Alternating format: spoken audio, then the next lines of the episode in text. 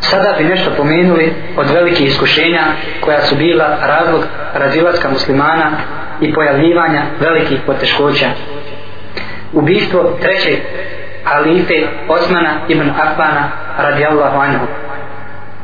Iskušenja u vrijeme ashaba su počela posle ubistva Omara radijallahu anhu jer je on bio prepreka vrata koja su bila zatvorena i kušnje nisu mogle doći do izražaja. Međutim, kada su ta vrata provaljena, kada je Omer radijallahu anhu ubijen, kao što je poslanik sallallahu alaihi ve sellem najavio u hadisu, onda su nastupila velika iskušenja od strane munafika i drugih zlonamjernih ljudi. Hadis u ovom značenju prenosi Al-Buhari i Muslim. Među prvim i najtežim iskušenjima u historiji Islama bilo je ubijstvo Osmana radijallahu anhu kao što je, kao što je to poslanik sallallahu alaihi ve sellem najavio rekavši da će Osman radijallahu anhu ući u džennet a prije toga će biti stavljen i na kušnju.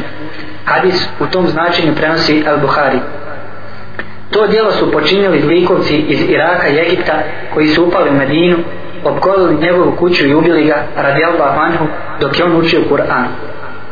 Znajući da je to kušnja i belaj koji je poslanik sallallahu alaihi ve sellem najavio on je to strpljivo, strpljivo podnio i zabranio je ashabima i ostalim oko njega da se oružano suprotstave tim zlikovcima ne želeći da se krv proliva zbog toga. Sa ovim događajem počela su velika iskušenja i došla je do razilaska među muslimanima pa čak i do borbi među njima. Poslanik sallallahu alaihi wa sallam je znao da će se u vrijeme ashaba desiti te kušnje to se vidi iz hadisa u kojem se prenosi da se poslanik sallallahu alaihi ve sellem popeo na jedno od kula u Medini i upitao ashabe vidite li ono što ja vidim? Ne vidim odgovorše ashabe. Ja zaista vidim iskušenja koja padaju među vaše kuće kao što pada kiša. Hadis je sahih a prenosi ga muslim. Islamski učenjak En Nevevi Rahimehullah kaže da je poslanik sallallahu alaihi ve sellem uporedio iskušenja sa kapima kiše zbog njihovog mnoštva i obilnosti. Ta iskušenja će zadesti sve ljude kao što se to desilo u bici na Džemelu, Sitinu, Arri, ubistvo Osmana radijallahu anhu i ubistvo Huseina radijallahu anhu i slično. U najavljivanju ovih događaja, zatim u njihovom ostvarivanju, dokazuje se još jedna od poslanikovi sallallahu alaihi ve sellem muadžiza nad naravnih dijela. Kao što smo već napomenuli, ubijstvo Osmana radijallahu anhu je bilo povod i razlog pojavljivanja drugih kušnji kao što su bitke na Džemelu, Sirtinu, pojavljivanje Havariđa i drugih. Također od kušnji koja je zadesla islamski ummet je bila bitka Harre, zatim problem oko toga da li je Kur'an stvoren, o čemu se posebno može pisati. Od kušnji koje je poslanik sallallahu alaihi ve sellem najavio da će se desiti prije sudnjeg dana je također o ponašanje ranijih naroda. O ponašanju židova, kršćana i drugih nevjernika u oblačenju i drugim običajima je jedan od predznaka sudnjeg dana. Žalostno je da su se neki muslimani u tome toliko opustili da su se počeli diviti kafirima i uzimati ih sebi za uzor. Ebu Hureyre radi Allahu anhu prenosi da je Allahu poslanik sallallahu alaihi ve sellem rekao neće nastupiti sudnji dan sve dok moj ummet ne bude slijedio ranije narode pedalj po pedalj aršin po aršin. Poslaniće ali se to misli na Perzijance i Rimljane upitaše prisutni. Pa ko drugi nego oni? odgovori poslanik sallallahu alaihi ve sellem hadis je sahih a prenosi ga Buharija ovo ponašanje nevjernika je toliko zavelo neke muslimane da su oni čak i vjeru napustili smatrajući da neće doživjeti napredak sve dok ne zapostave Allahu u knjigu Kur'an i sunnet Allahova poslanika sallallahu alaihi ve sellem. Ovi jadnici i ne znaju da je muslimane dovelo u ovakav nezavidan položaj upravo to napuštanje Allahovog Đalešanovu zakona i prihvatanje drugih ljudskih zakona otuđivanje od vjere do te vjere da je kod pojedinaca ostalo samo muslimansko ime i ništa više.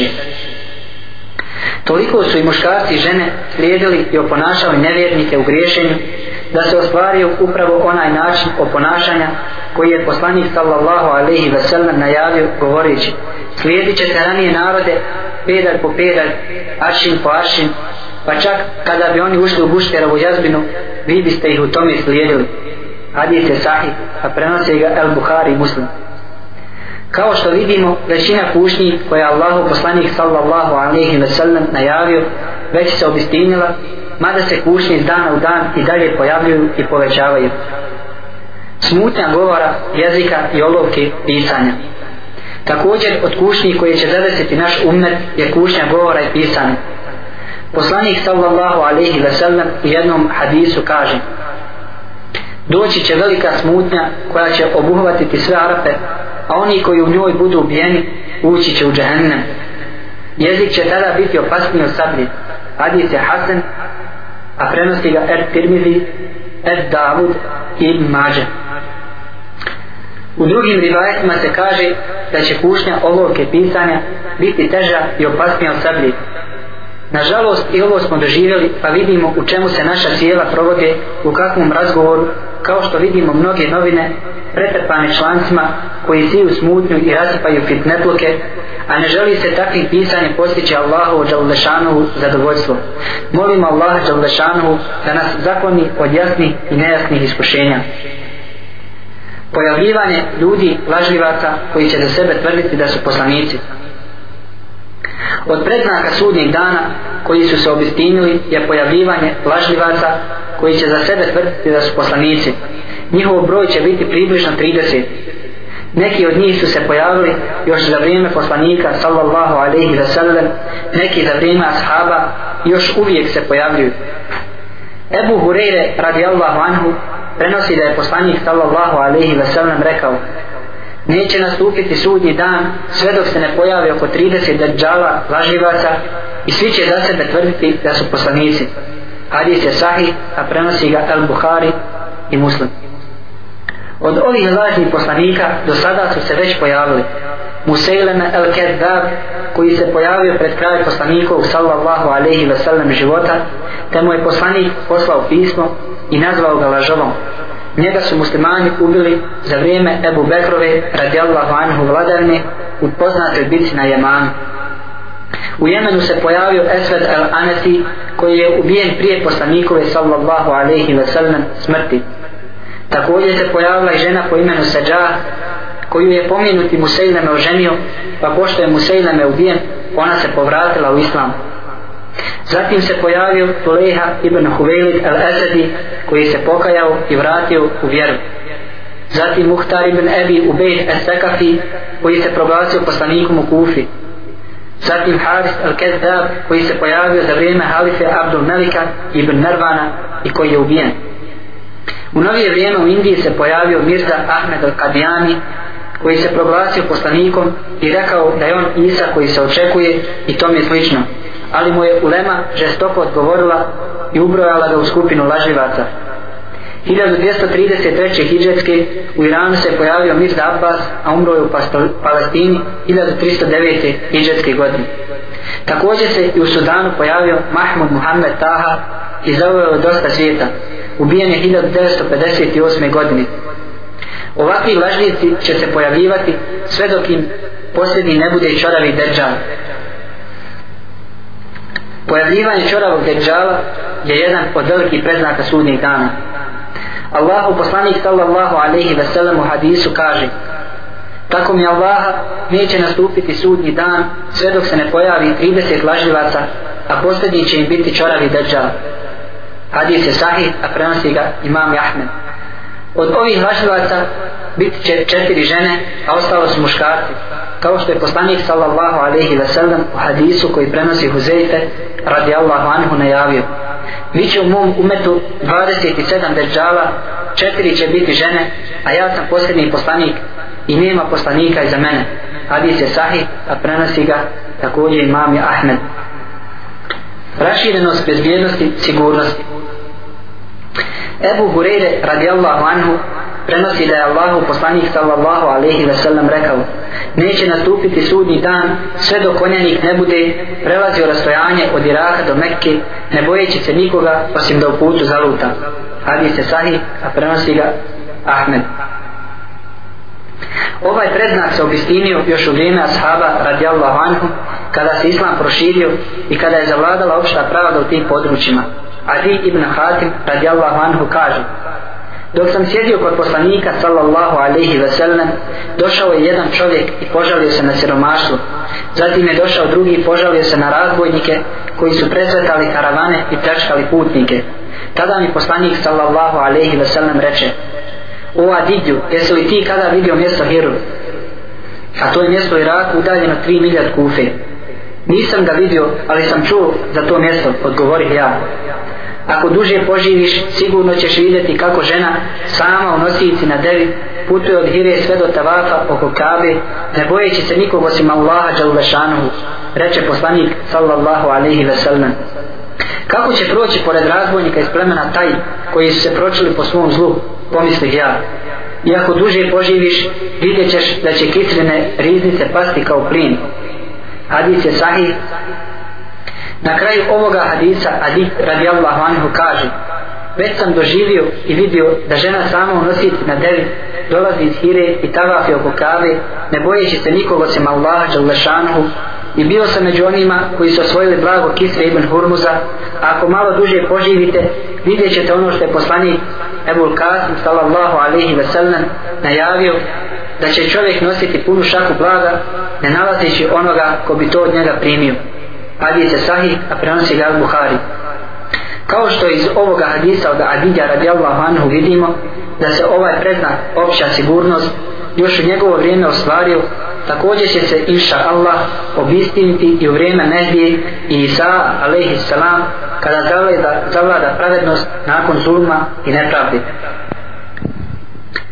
pojavljivanje vatre u hijazu poslanik sallallahu alaihi ve sellem je najavio da će jedan od predznaka sudnji, sudnjeg dana biti velika vatra koja će se pojaviti u Hidžazu, zapadnim dijelu Arabije koja će obasjeti vratove deva u Busri, nedaleko od Damaska u Siriji. Ebu Hureyre radijallahu anhu prenosi da je Allahu poslanik sallallahu alaihi ve sellem rekao neće nastupiti sudnji dan sve dok se ne pojavi velika vatra u području Hidžaza koja će osvijetliti vratove deva u Bustri u Siriji. Hadis je sahih, a prenosi ga Buhari i Muslim. I u istinu u petak 5.6.654. iđeske godine u okolini Medine se pojavila velika vatra koja je obasjavala sve do mjesta Bustri, tako da su njeni stanovnici vidjeli vratove deva prema toj svjetlosti. Dva dana prije toga su Medinu i njenu okolinu zadesili snažni potreci koji su potrajali sve do petka kada se pojavila ta velika vatra koja je svijetlila više od mjesec dana. Čak su ljudi u Tejmi, u Oazi, u Sjevernoj Arabiji, u svojim kućama pisali knjige prema svjetlosti te velike vatri. Njen plamen je dostizao visinu tri munare i ona se vidjela iz Meke iz Busri. Ta vatra nije imala toplotu jer je u Medinu dolazio hladni povjetarac i iz toga se razumjelo da je to jedan od Allahovih znakova. Mnogi učenjaci kao što su M. Nevevi i Ibn Hajar kao i historičari Ibn Kesir, Ebu Šame i mnogi drugi su ovaj događaj pomenuli u svojim knjigama. Mustafa Šelebi u svojoj knjizi Sahihu Ešrati Sara kaže ko pročita ono što je napisano o ovoj velikoj vatri i o tom događaju zaključit će da je ona bila slična onome što se u današnjem vremenu naziva veliki vulkan popraćen snažnim zemljotresima. Također, gledajući ono što su očevici napisali vezano za taj događaj, kaže se da je ovaj Allahu Đalešanov znak imao veliki uticaj na većinu ljudi koji su se tom prilikom povratili Allahu Đalešanov čineći teubu, napuštajući griješenje i provodjeći te dane u raznim vidovima i badeta. Treba napomenuti da ova vatra koja se pojavila sredinom 7. stoljeća po Hidži nije vatra koja će se pojaviti pred kraj Dunjaluka koja će terati ljude prema mjestu gdje će biti polaganje računa. O toj vatri ćemo inša Allah govoriti u velikim preznacima sudnjeg dana jednom drugom prilikom. Borba protiv Turaka, Mongola i Tatara Ebu Hureyre radijallahu anhu prenosi da Allahu poslanik sallallahu alaihi wa sallam rekao neće nastupiti sudnji dan sve dok ne dođe do borbe između muslimana i turaka. Ljudi čija su lica široka kao štitovi obloženi kožom oblačit će dlakava krzna a i obuća će im biti od krzna. Hadis je sahih a prenosi na muslim. Imam Kurtubi kaže da su oni napali muslimane tri puta a posljednji pohod Tatara je bio kada su uništili Bagdad pod vojstvom Džingis Kana u 13. stoljeću ili 665. hijđarske godine. Njihovo napredovanje je zaustavio Kutuz pobjedivši ih u bici kod Anu Žaluta i time zaštitio muslimane od njihovog zla. Izgled Tatara koji su inače turskog porijekla je baš ovakav kao što je poslanik sallallahu alaihi ve sellem opisao u prethodnom hadisu i pojavili su se baš u vrijeme An Nebedija u 7. hijđetskom stoljeću pa je on rahimehullah potvrdio da se ovaj opis odnosi upravo na njih. Borba protiv Nearapa Ebu Hureyre radijallahu anhu prenosi da Allahu poslanik sallallahu alaihi ve sellem rekao neće nastupiti sudnji dan dok se ne budete borili protiv Nearapa, Huza i Kirmana crvenih lica, losnatih noseva, malih očiju, širokih lica kao štitovi oboženi kožom, a obuća će im biti od vunenog krzna. Hadis je sahih, a prenosi ga El Buhari. Kao što se vidi ovaj predznak je sličan ovome prethodnom, jer su čak i ti ljudi sličnog izgleda. Ovdje se misli na ne Arape, što potvrđuje sljedeći hadis u kojem poslanik sallallahu alaihi ve sellem kaže Uskoro će Allah Đalešanu napuniti vaše ruke na Arapima, pa će oni postati hrabri kao lavovi koji ne bježi i oni će ubijati vaše protivnike i jesti sa vama vaš plin. Hadis je sahih, a prenosi ga Ahmed i Eta Sljedeći mali prednak je iščezavanje povjerenja i prepuštanje odgovornih poslova onima koji to ne zaslužuju. Čuvati emanet, povjerenu stvar, izvršavati posao, zadatak, sve što mu je povjereno, mogu samo pravi i iskreni vjernici koji osjećaju da su za to odgovorni pred svojim gospodarem Allahom Đelešanom. Gubljenje osjećaja za tu odgovornost je jedan od predznaka sudnjeg dana. Ebu Hureyre radijallahu anhu prenosi da Allahu poslanik sallallahu alaihi ve sellem rekao kad se izgubi povjerenje očekuj sudnji dan. A kako se to gubi povjerenje Allahu poslaniće upitaši kada se poslovi prepuste onima koji nisu za to sposobni iščekuj sudnji dan odgovori poslanik sallallahu alaihi ve sellem hadis je sahih a prenosi ga al-Buhari Poslanik sallallahu alaihi ve sellem je objasnio Huzeyfi radijallahu anhu da je manet stavljen na dnu ljudskih srca i da će se postepeno gubiti pa će nastupiti vrijeme kada će ljudi međusobno trgovati a nećeš moći naći među njima nikoga da čuva emanet pa će se govoriti ima u tom i tom mjestu povjerljiv čovjek. U to vrijeme će se za neke ljude sa oduševljenjem govoriti ah što je pametan ah što je dosjetljiv ah što je izdržljiv a u njegovom srcu neće biti ni truna imana hadis je sahih a značenje ovog hadisa prenosi Al-Buhari to stanje će nastupiti kada kod ljudi nestane bogobojaznosti straha od Allahove kazne i kada njihov iman oslabi. Također će se na položaj i funkcije postavljati oni koji to ne zaslužuju niti su za to sposobni pa će ljude predvoditi i predstavljati oni najgori lošima će se davati prednost na dobrima. Nastupit će kako je poslanik sallallahu alaihi ve sallam najavio varljive godine u kojima će se stvari zokrenuti pa će se laž vjerovati a ne onome ko govori istinu. Za poštenog će se govoriti da je varalca a varalcu će smatrati poštenim i tome slično kao što ćemo to inša Allah kasnije napomenuti. Sljedeći od prednaka sudnjeg dana jeste nestanak iluma, znanja i proširenost neznanja. Poslanik sallallahu alaihi wasallam je najavio da je od prednaka sudnjeg dana proširenost neznanja džehla, a nestanak znanja, kao što to prenesi Enes ibn Malik radijallahu anhu, da je Allah poslanik sallallahu alaihi wasallam rekao od prednaka sudnjeg dana je da će nestati znanja, a proširit će se neznanje. Hadis sahih prenosi ga Buharija i Muslim. Ebu Musa ibn Mas'ud radijallahu anhuma prenose da je Allahu poslanik sallallahu alaihi wasallam rekao Zaista će pred kijamet nastupiti dani u kojima će se spustiti i proširiti neznanje, a dići će se znanje. Hadis sahih prenosi ga Buhari. Džahili neznalice će davati fetve, fikske odgovore. Znanje će nestati smrću učenih ljudi kao što je to pojašnjeno u hadisu koji prenosi Abdullah ibn Amr ibn As radijallahu anhu da je čuo Allahu poslanika sallallahu alaihi wasallam da kaže Zaista Allah Želešanu neće nauku uzeti čupajući iz grudi svojih rogova, nego će je uzeti uzmajući duše učenjaka, a kada ne bude ostao nijedan učen čovjek, ljudi će za svoje poglavare uzimati neznalice, koji će kada budu pitani za neke propise davati fetve bez posjedovanja odgovarajućeg znanja i tako će skrenuti sa pravoga puta i druge odvoditi u zabludu. Hadis sahih prenosi ga Buharija i Muslim. Ali radijallahu anhu prenosi da je Allah poslanik sallallahu alaihi wasallam rekao na blizinu sudnjeg dana ukazuju sljedeće stvari kada bude puno onih koji će sa mimbera govoriti.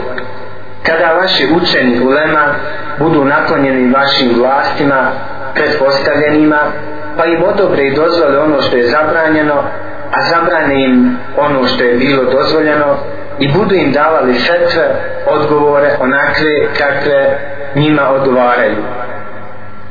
Kada vaši učeni budu tražili nauku da uzmu vaše dinare i dirhame i kada počnete trgovati sa Kur'anom hadis prenosi Ed-Dejlemi kada pogledamo ovaj hadis i našu današnju situaciju kako se sa fetvama traži tvarač je drugo zadovoljstvo više nego Allahu od Želešanuhu te šta se radi s Kur'anom na što se svelo njegovo učenje onda u istinu treba da se zapitamo kakvi smo mi muslimani s ovim ilmom, znanjem koje će se dići misli se na poznavanje propisa iz Kur'ana i sunneta jer to je znanje koje su Allahovi poslanici ostavili učenim ljudima u emanet jer učenjaci su nasljednici Allahova poslanika pa kada odu učenjaci sa njima će otići taj ilum i zamrijeće praktikovanje poslanikovog sallallahu alaihi wasallam sunneta te će se pojaviti raznorazne novotarije i date u vjeri i proširit će se neznanje.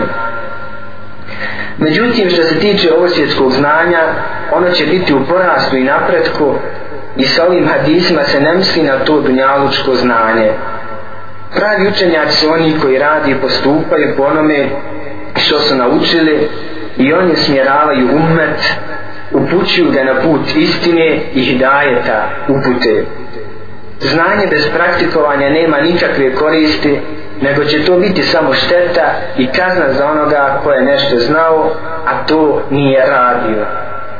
Dakle, učenjaka će biti sve manje i manje, a još će manje biti onih koji će ono što znaju sprovoditi u djelo, što potvrđuje i dodatak već pomenutom hadisu koji prenosi Al-Buhari da će se pored dizanja znanja i proširivanja neznanja i malo raditi o tome. To jest, malo će se sprovoditi u dijelo ono što se zna.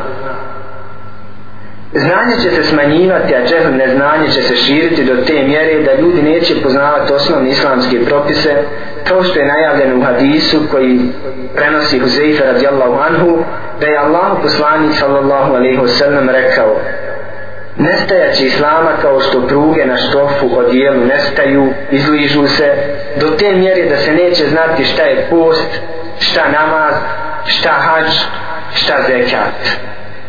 Allahova će knjiga za jednu noć biti dignuta, pa na zemlji neće ostati od nje ni jedan ajet. Ostaće samo grupe ljudi, starac i starica koji će govoriti naše smo očeve, naše pretke zatekli da izgovaraju ovu riječ La ilaha illallah pa je i mi izgovaramo. Hadis sahih prenosi ga Ibn Mađa i Al-Hakim. Ashab Abdullah ibn Mas'ud radijallahu anhu kaže Kur'an će biti uzet od vas. U toku jedne noći će biti izbrisan iz grudi Hafiza pa na zemlji od njega neće više ništa ostati hadis sahih prenosi ga et taberani Ibn Tejmije rahimehullah kaže pred kraj dunjalka će Kur'an biti dignut iz mushafa i hafijskih grudi pa neće u grudima ostati ni jedna riječ niti će u mushafima ostati jedan harf. A još gori od svega toga bit će da se na zemlji neće spominjati Allahovo Đelešanu ime kao što to stoji u hadisu koji prenosi Enes radijallahu anhu da je poslanik sallallahu alaihi wasallam rekao neće nastupiti sudnji dan sve dok se na zemlji ne prestane spominjati Allah, Allah. Hadis je sahih prenosi ga muslim. To će biti vrijeme koje je najavio Ibn Omar radijallahu anhu u hadisu gdje kaže pa će ostati otpad ljudi koji neće znati šta je dobro niti će sprečavati zlo. Hadis je sahih prenosi ga Ahmed natjecanje u gradnji visokih kuća. Od predznaka sudnjeg dana koji su se pojavili ubrzo nakon poslanikove sallallahu alaihi wasallam smrti je natjecanje ljudi u gradnji visokih i ukrašenih kuća.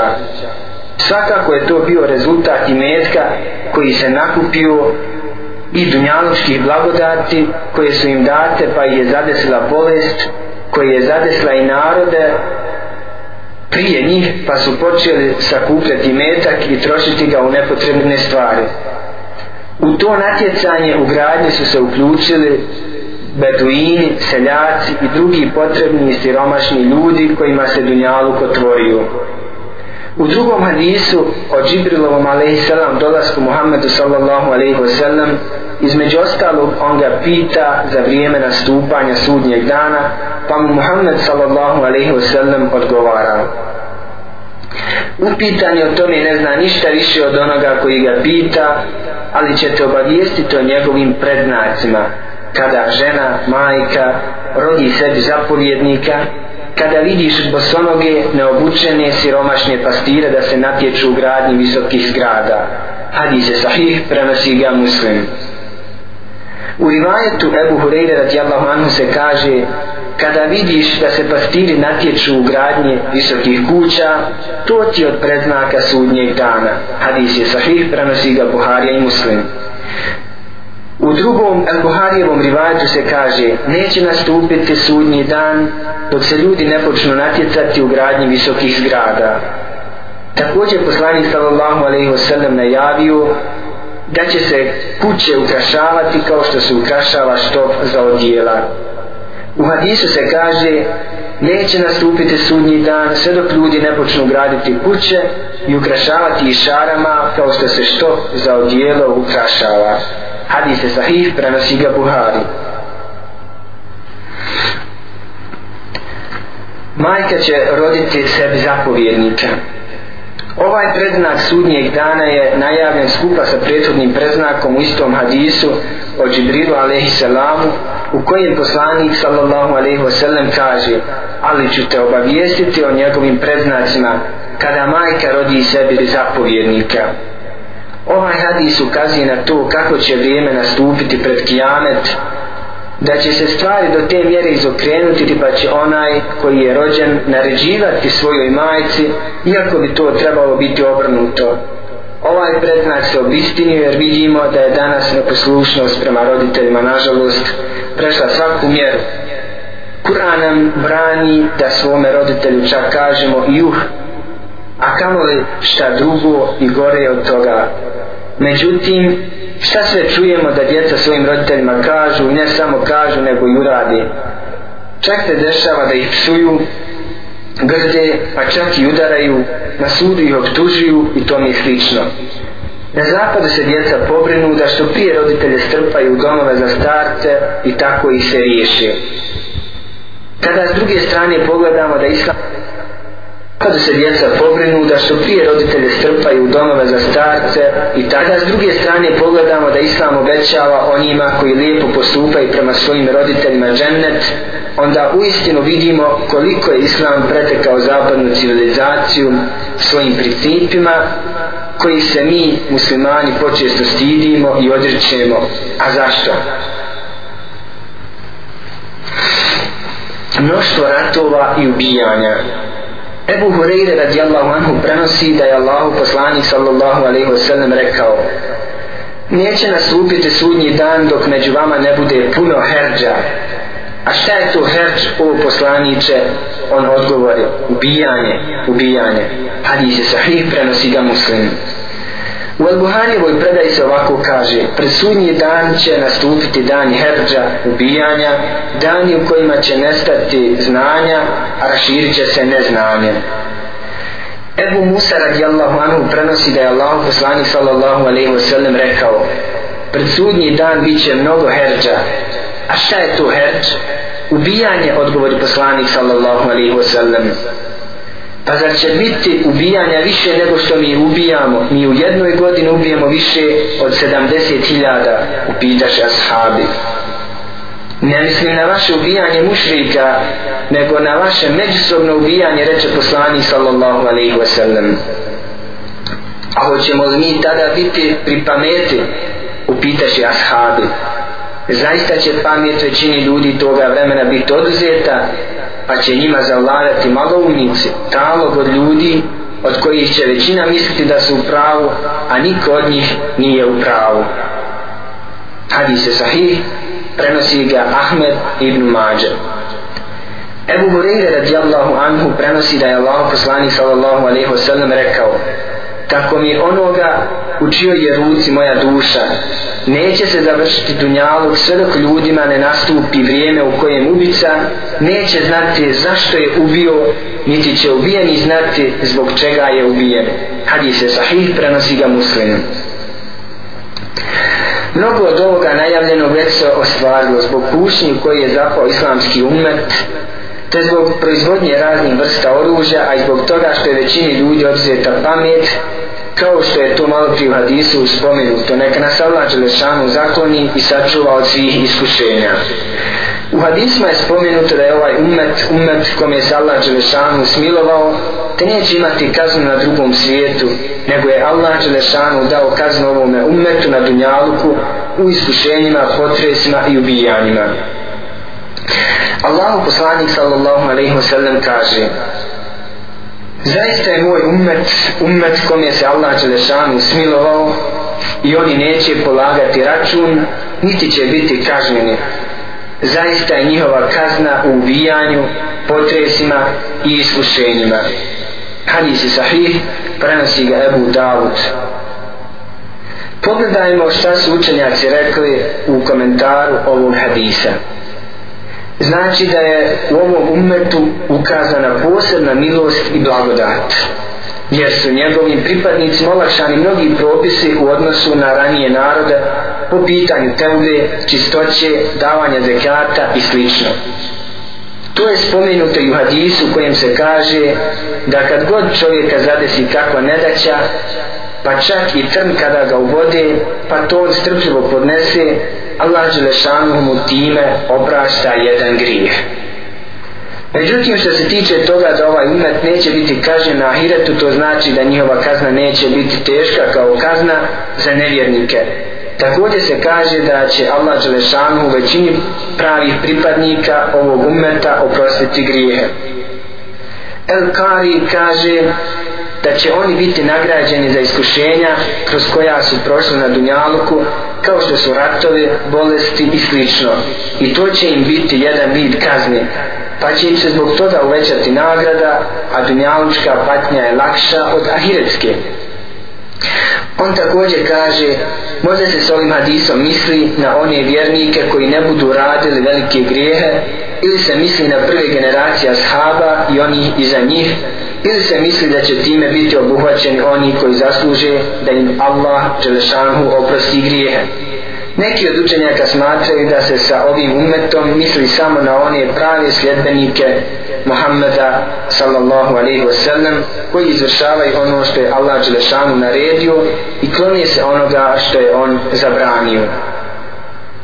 Kratkoća vremena Jedan od predznaka sudnjeg dana je da će ljudi osjećati da vrijeme se brže i brže prolazi. Allahu poslanik sallallahu alaihi wa sallam kaže od predznaka sudnjeg dana je da će biti kratko vrijeme. Hadis se sahih prenosi ga Buharija. Ebu Hureyre radijallahu anhu prenosi da je Allah poslanik sallallahu alaihi wa sallam rekao Neće nastupiti sudnji dan sve dok ne nastupi kratkoća u vremenu, pa godina bude trajala kao mjesec, mjesec kao sedmica, sedmica kao dan, dan kao sat, a sat kao varnica. Hadis sahih prenosi ga Ahmed. U pojašnjavanju ovoga predznaka ima nekoliko mišljenja, a najprihvatljivije je da se time misli na smanjivanje bereketa u vremenu. Ibn Hajar kaže, ovo smo doživjeli u našem vremenu jer osjećamo da nam dani sada tako brzo prolaze što nije slučaj bio ranije.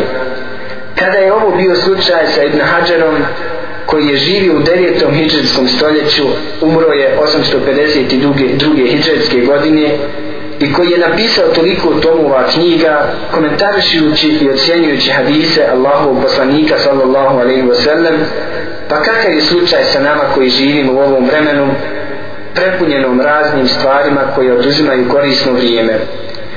Nadam se da se svi slažemo da neke poslove koje sada radimo daleko teže i sporije možemo završiti nego što je to bio slučaj prije deseta godina i pored svega ovoga i pored saznanja da ćemo za svaku minutu svoga vremena biti pitani na sudnjem danu žalostna je činjenica da nalazimo veliki broj ljudi pa čak i onih koji se ubrajaju učene, talime, da znaju po nekoliko sati dnevno bez ikakve dunjalučke ili ahiretske koriste potrošiti vrijeme gledajući utakmice, bezvezne filmove, igrajući šah i slično. Neka nas Allah Đelešanu uputi i zaštiti od trošenja vremena u ono čime on Đelešanovu nije zadovoljan.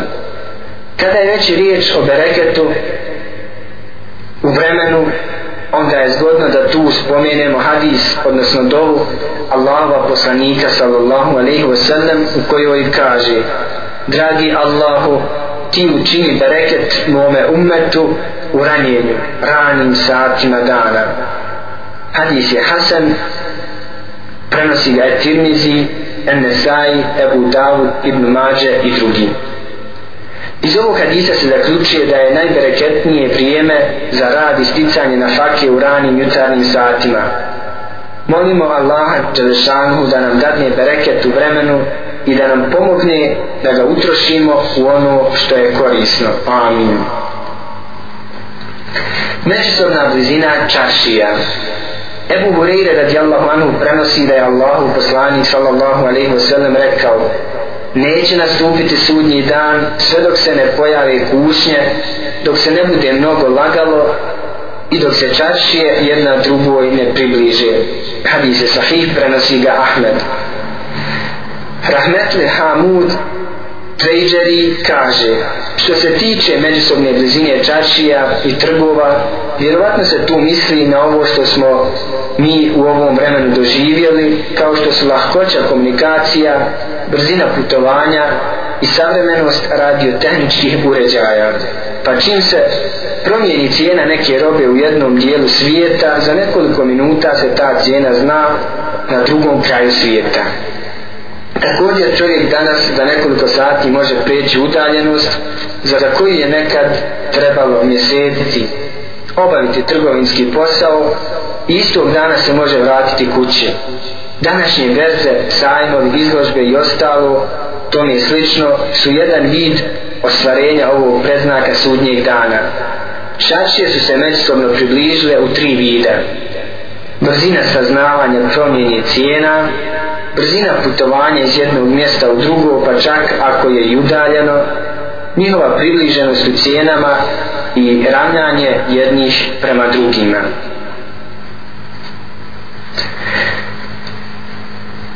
Pojavljivanje širka i sebojstva u ovom ummetu. Od preznaka sudnjeg dana koji su se u mnogome obistinili je da će se neki ljudi, neka sela povratiti širku mnogoboštvu, obožavati kipove, graditi turbeta na kaburima, veličajući one koji su tu ukopani, oko njih talafiti, tražeći bereket za uzimanje, prinositi im žrtve i raditi sve druge poslove koji odvode u širk. Allahu poslani sallallahu alaihi wa sallam kaže i neće nastupiti sudnji dan sve dok se neka umeta ne priključe mušricima i dok neka plemena ne počne obožavati kipove. Hadis je sahih, prenosi ga Tirmizi i Ebu Davud. U drugom hadisu se kaže neće nastupiti sudnji dan sve dok se žene iz plemena Deus ponovo ne počnu gurati tavafeći oko Zil Halesa a Zul Hales je kip koji su obožavali u džahilijetu. Ovo se u istinu ostvarilo pa su ova sela južno Taifa kada se proširilo neznanje ponovo počela obožavati kipove i to je potrajalo sve dok nije Muhammed ibn Abdul Wahab došao i pozvao ljude da obožavaju Allaha Đelešanuhu a da napuste ta ružna mjesta koja su kasnije i porušena. Iz ovoga se da zaključiti da će se situacija toliko pogoršati i da će se ljudi vratiti onim džahilijetskim poslovima koje zdrav razum ne prihvata. Također treba napomenuti da se sa širkom ne misli samo na obožavanje kipova, turbeta i sličnog, nego u to ulazi sve ono što je u suprotnosti sa istinskim sprovođenjem La ilaha illallah u djelo.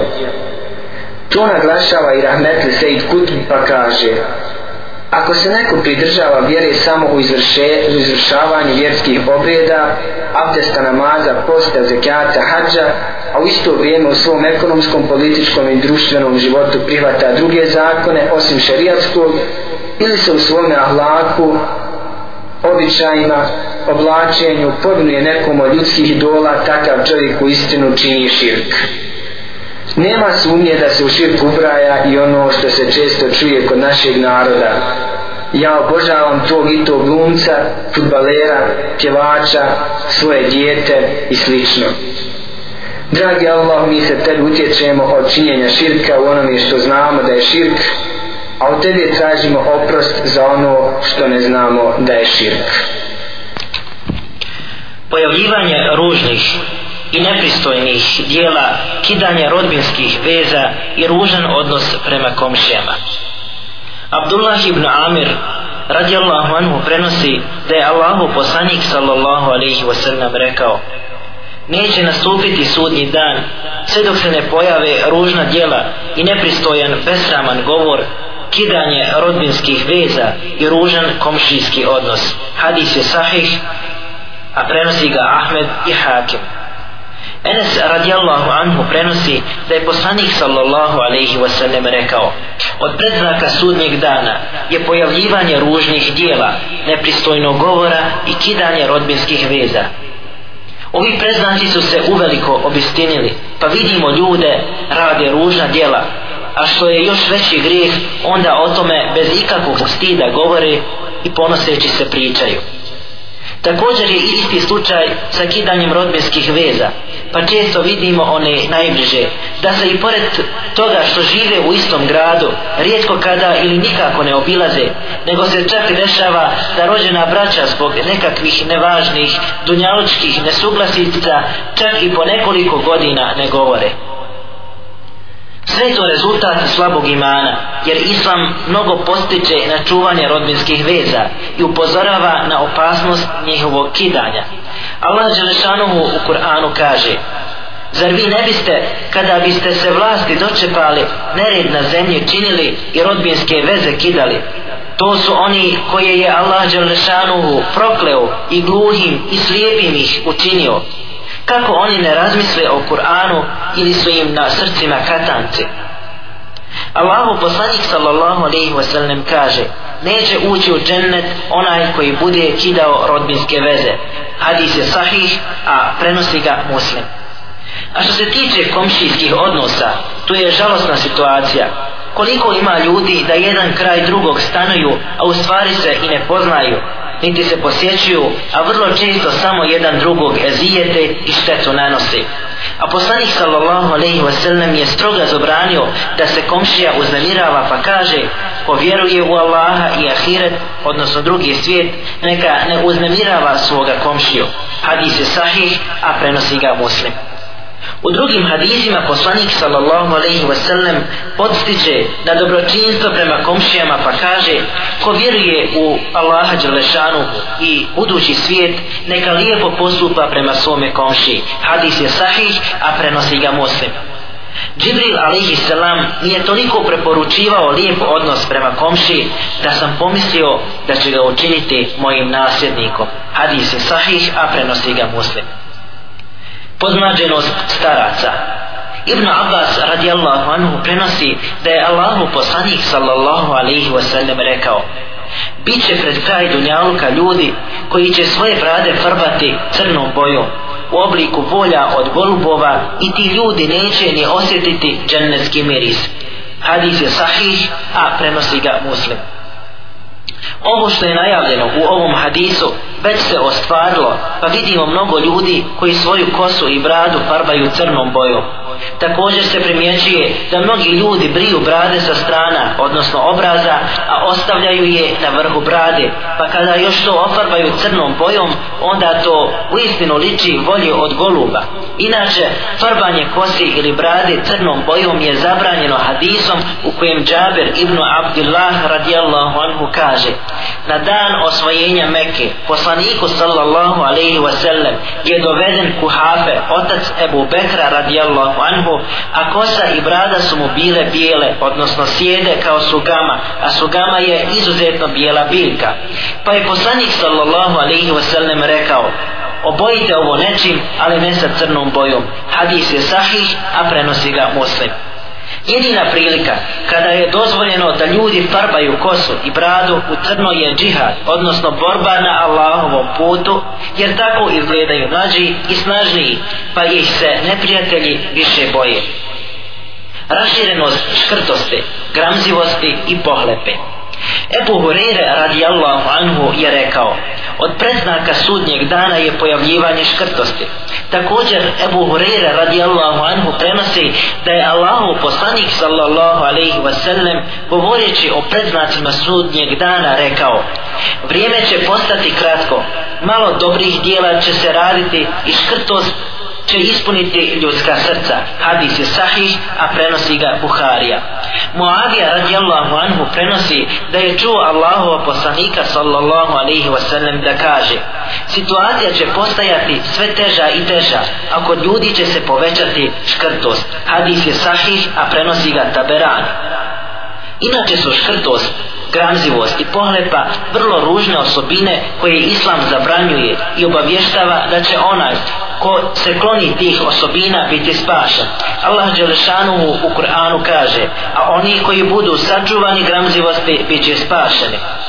Džabir radijallahu anhu prenosi da je Allahu poslanik sallallahu alaihi wasallam rekao klonite se zulma jer će zulum urađen na dunjaluku biti pomrčina tmina na sudjem danu i klonite se škrtosti jer je upravo škrtost upropastila one koji su bili prije vas. Škrtost ih je navela da prolivaju krv da se ubijaju i da ono što je zabranjeno smatraju dozvoljenim. Hadis je sahih a prenosi ga muslim. Škrtost je bila razlogom njihove propasti na ovom svijetu, pa su se međusobno ubijali, a zbog toga će biti kažnjeni na budućem svijetu. Mnoštvo trgovine. Od predznaka sudnjeg dana je rasprostranjenost trgovine kako među ljudima, tako i među ženama. Ibn Mes'ud radijallahu anhu prenosi da je Allahu poslanik sallallahu alaihi wasallam rekao pred sudnji dan ljudi će selam nazivati samo onima koji poznaju i raširit će se trgovina pa će čak i žena učestvovati u trgovini sa svojim mužem. Hadis je sahih, a prenosi ga Ahmed i El Hakim.